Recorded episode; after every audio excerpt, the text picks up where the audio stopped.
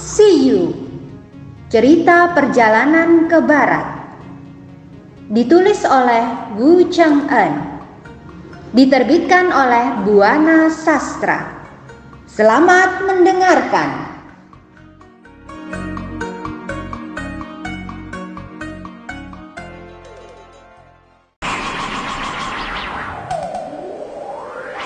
Sementara itu, dikisahkan Sun Wukong yang sedang berkelahi dengan Sun Wukong palsu berpura-pura mundur hingga akhirnya pertempuran itu sampai ke gunung akhirat. Karena pertempuran mereka amat hebat, para setan yang ada di gunung itu pun jadi kaget dibuatnya. Dengan cepat, mereka berlarian mencari persembunyian.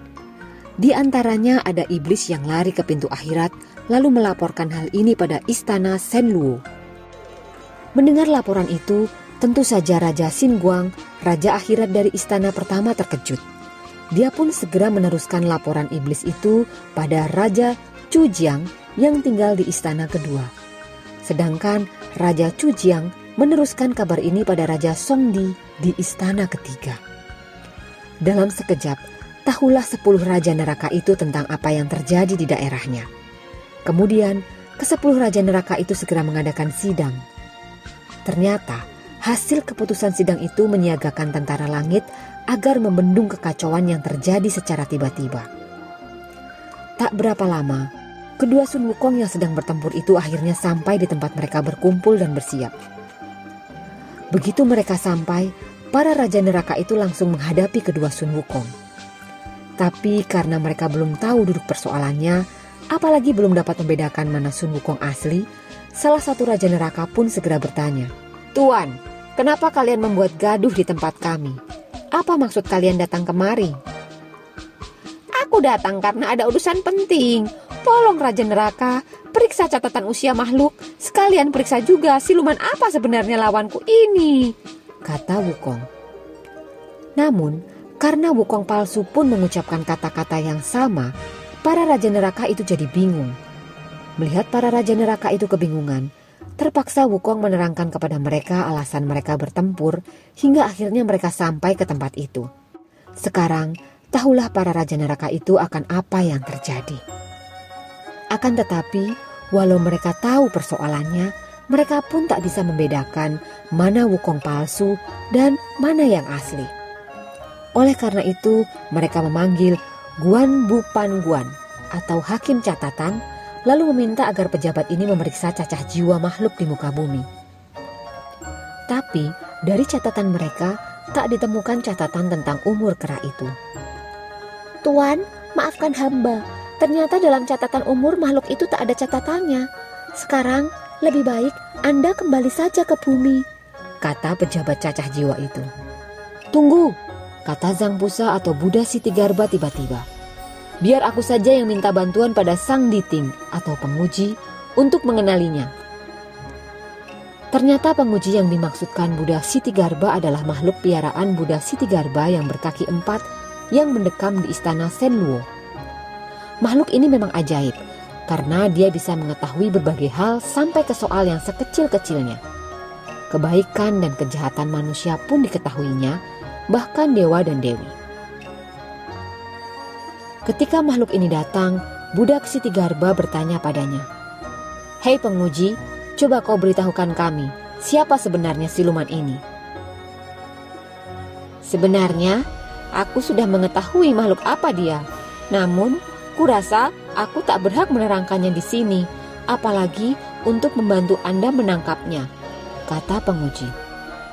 Bagaimana kalau kau jelaskan saja, kata Buddha Siti Garba. Sebenarnya bisa, tapi jika aku terangkan siapa makhluk itu, aku khawatir dia akan marah, bahkan mengacau di tempat ini, kata makhluk itu. Memang, kenapa kita tak boleh membantu Sun Wukong? Tanya budak Siti Garba lagi. Karena dia pun sama lihainya dengan Sun Wukong, kata penguji. Jadi, jika dia mengamuk, kita yang ada di akhirat tak akan sanggup melawannya. Oh, celaka kalau begitu. Bagaimana cara menaklukkannya? Kata Siti Garba kebingungan. Kita kan tahu bahwa kepandaian Buddha tak ada batasnya, sahut si penguji. Mendengar kata-kata sang penguji, mengertilah Siti Garba. Dia pun segera menghadapi kedua Sun Wukong.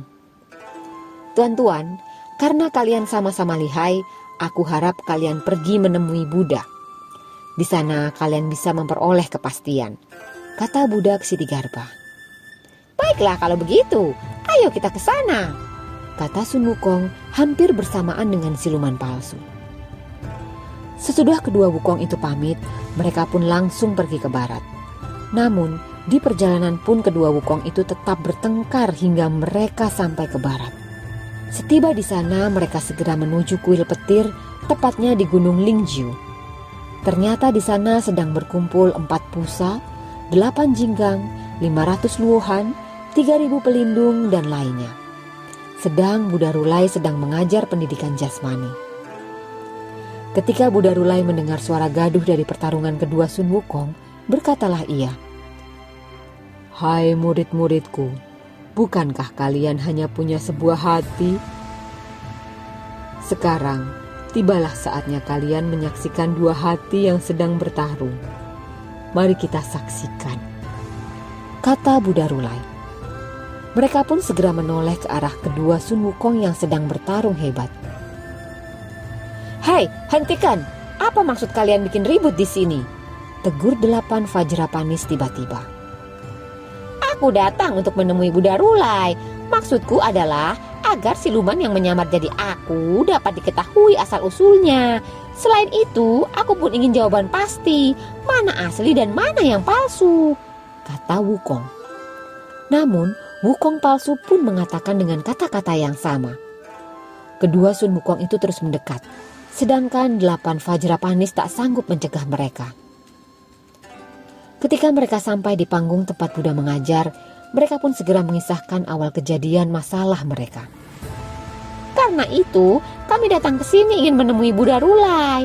Kami minta agar Buddha mengenali kami, mana yang asli dan mana yang palsu, kata keduanya. Mendengar permintaan mereka, semua murid Buddha Rulai memperhatikan kedua Sun Wukong itu. Ternyata tak satu pun murid Buddha Rulai yang bisa membedakan mana wukong asli dan mana yang palsu. Tiba-tiba Dewi Guanyin datang. Begitu tiba di hadapan Buddha, Dewi Guanyin memberi hormat. Ah, kebetulan Dewi Guanyin datang. Coba silahkan kau tebak, mana wukong asli dan mana yang palsu. Kata Buddha Rulai pada Dewi Guanyin sambil merangkapkan kedua tangannya. Mereka pun pernah datang ke tempatku, tapi karena aku tak bisa membedakan mereka, terpaksa aku suruh mereka pergi. Jawab Dewi Kuan Yin. Aku pun mendengar bahwa mereka sudah pergi ke langit, tapi nyatanya tak ada yang mampu menjawabnya. Itu pula lah sebabnya hari ini aku datang ke sini. Maksudku untuk mohon agar Buddha Rulai mengenali mereka. Mendengar pengakuan Dewi Guanyin, Buddha Rulai tertawa. Padahal kalian pun telah memiliki kepandaian tinggi, tapi urusan keduniawian saja. Akhirnya, ilmu tinggi kalian tidak bisa dipakai untuk mengenali segala makhluk. Kata Buddha Rulai. Memang, sebenarnya makhluk apa dia? Tanya Dewi Guanin. Seharusnya kau pun tahu bahwa di dalam dunia ini ada Wushan atau lima umat dewa. Mereka adalah dewa di langit dan di bumi, setan dan manusia, serta wucong atau lima bangsa binatang. Masing-masing adalah binatang yang bertempurung, yang bersisik, berbulu, bersayap, dan terakhir kutu. Sedangkan makhluk ini pun bukan berasal dari kedua golongan itu, tapi dari golongan kera. Sebab di dunia ini pun ada empat bangsa kera. Kata Buddha Rulai, kalau boleh aku tahu, apa saja empat macam bangsa kera itu? Tanya Dewi Guanyin. Yang pertama kera batu atau Ling Ming Sihu. Kata Buddha Rulai. Kera ini mengerti ilmu alam dan ilmu bumi, serta bisa berubah wujud. Selain itu, dia bisa memindahkan dan menukar bermacam-macam binatang. Sedang kera yang kedua, Cikau Mahu, atau kera berpantat merah. Dia pun mengerti ilmu alam dan mengerti soal manusia. Selain itu, dia juga bisa menghindari kematian.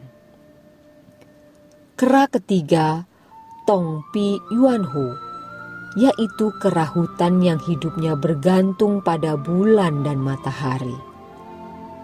Sedangkan kera yang keempat adalah bangsa kera bertelinga enam yang disebut Yuer Mihu. Ia pandai seperti manusia. Nah, Sun Wukong palsu ini termasuk golongan kera yang keempat.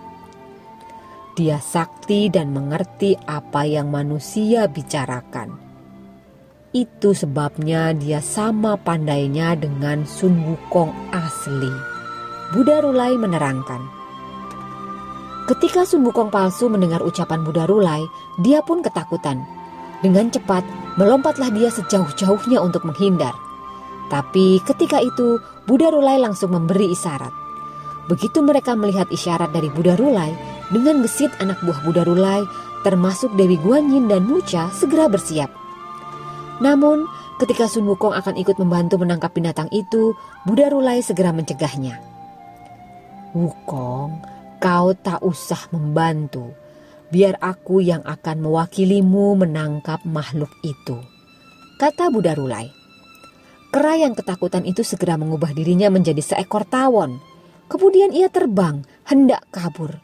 Namun dengan cepat Buddha Rulai melontarkan mangkuk emasnya. Tak ampun lagi terperangkaplah tawon itu. Namun karena semua yang hadir tak melihat tawon itu tertangkap oleh Buddha Rulai, mereka yang menyangka makhluk itu lolos dari tangkapan menjadi kecewa. Menyaksikan semua yang hadir kecewa, Buddha Rulai tertawa. Kalian jangan cemas, sebab dia sudah kutangkap. Kata Buddha Rulai. Tertangkap, tapi di mana dia sekarang? Tanya Dewi Guanyin. Dia ada di dalam mangkuk emasku. Kata Buddha Rulai. Mendengar hal itu, semua yang hadir segera berkerumun mengelilingi mangkuk Buddha Rulai.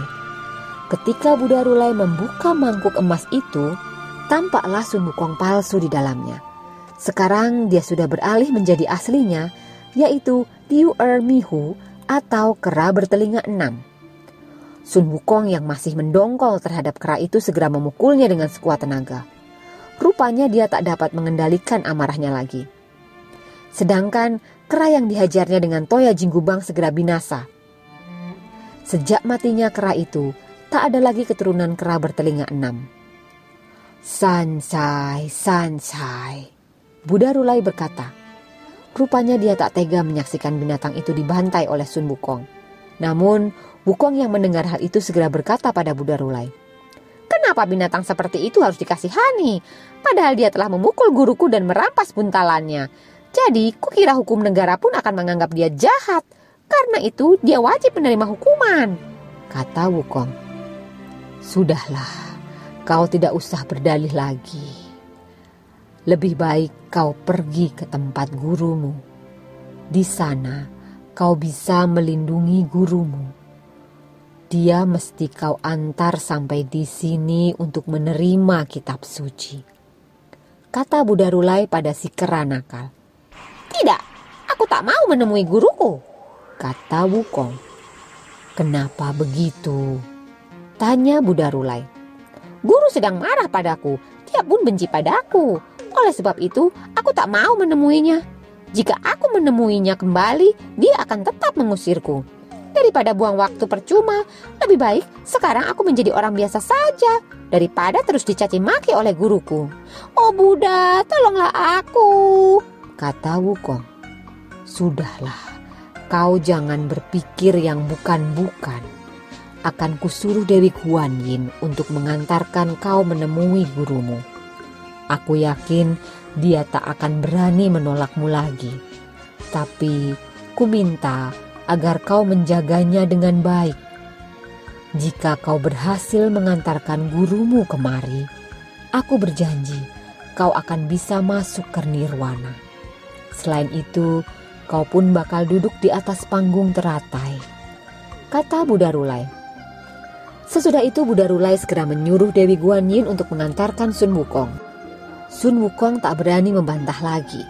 Dia pun segera mengikuti Dewi Guanyin. Tak lama Dewi Guanyin dengan dikawal oleh Mucha yang membawa burung kakak tua segera berangkat bersama Wukong. Ketika mereka sampai di tempat Tong Sancong bermalam, yang pertama-tama melihat kedatangan Dewi Guanyin adalah Sa Wujing. Sa Wujing segera memberitahu gurunya Begitu Tong Sancong mendengar kedatangan Dewi Guanyin, mereka segera menyambut kedatangan Dewi Guanyin bersama Sun Wukong.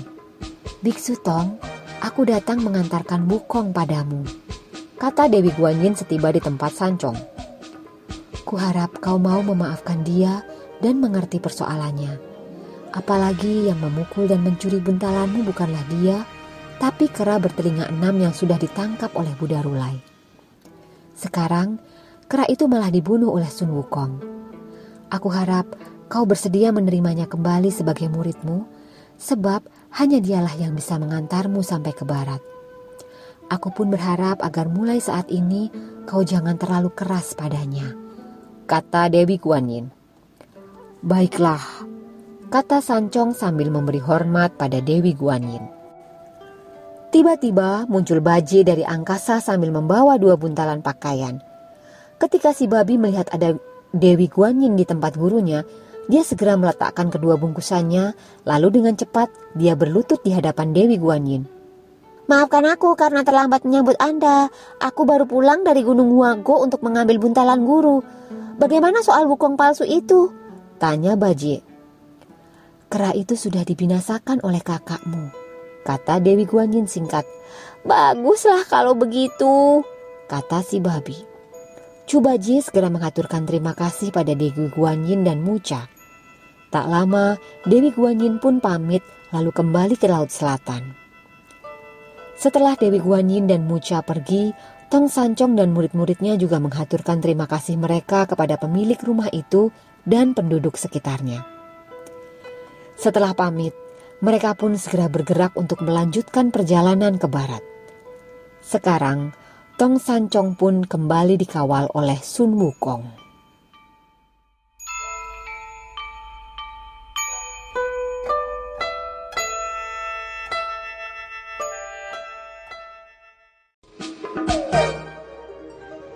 Dengarkan kisah selanjutnya dengan teman membaca yang lain. Terima kasih.